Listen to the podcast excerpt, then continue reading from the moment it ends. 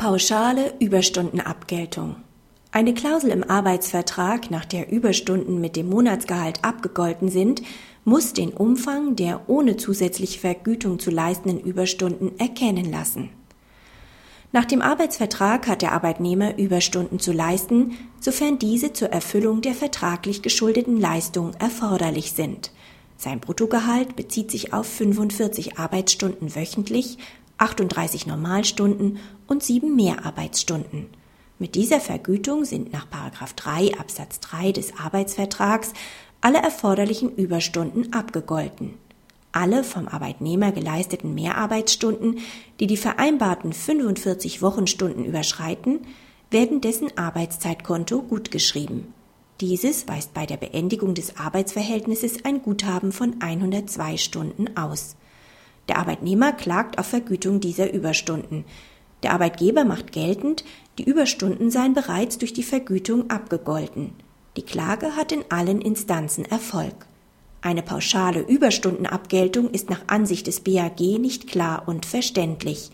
Sie verstößt gegen 307 Absatz 1 Satz 2 BGB und ist daher nach 306 Absatz 1 BGB unwirksam.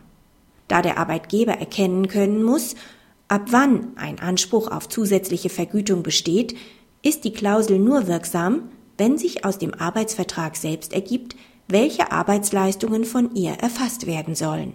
Bereits bei Vertragsschluss muss für den Arbeitnehmer feststehen, welche Leistung er für die vereinbarte Vergütung maximal erbringen muss.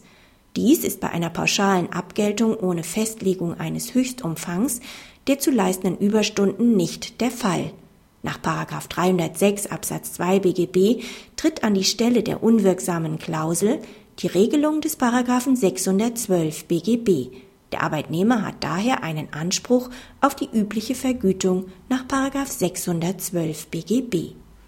Praxishinweis. Arbeitgeber können eine transparente Überstundenregelung schaffen, indem sie im Arbeitsvertrag den monatlichen Höchstumfang der zu leistenden Mehrarbeit definieren.